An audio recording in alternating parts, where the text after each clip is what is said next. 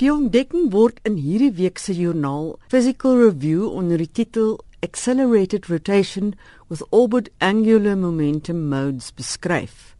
Die hoofwetenskaplike van die projek, Andrew Forbes, bedryf ook die nuwe gestruktureerde liglaboratorium waar ligvelde met digitale hologramme geskep word.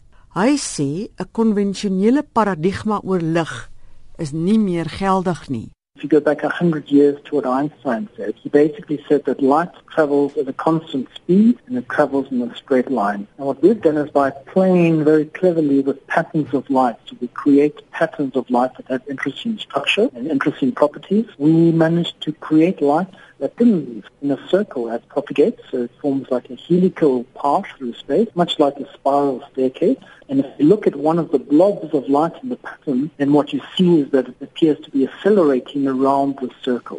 Dit beteken dat elke deel van die lig vinniger en stadiger op sy helixpad beweeg.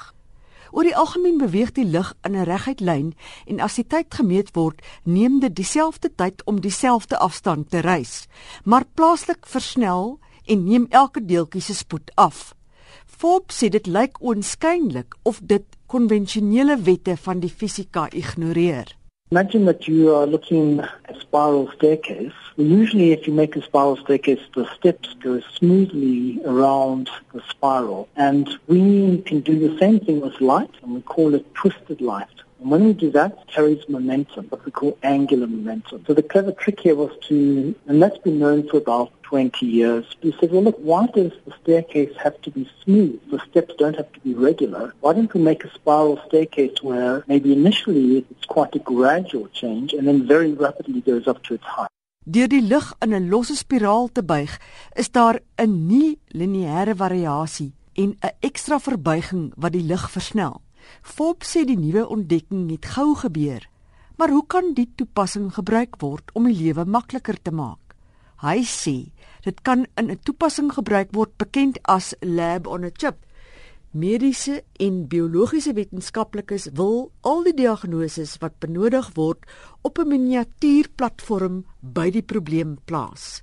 To make this happen, what people usually do is they use optics or light to drive the flow. So this is called optically driven flow, and the general term for this is microfluidic. If I shine this accelerating light into one of these microchips, I can drive micro gears really, really fast to apply a very strong torque on them. So I could have controlled optically driven flow on these medical devices that are based on lab-on-a-chip technology. Dit was 'n fisikus van Wits, Andrew Forbes. Mitsi van der Merwe in Johannesburg.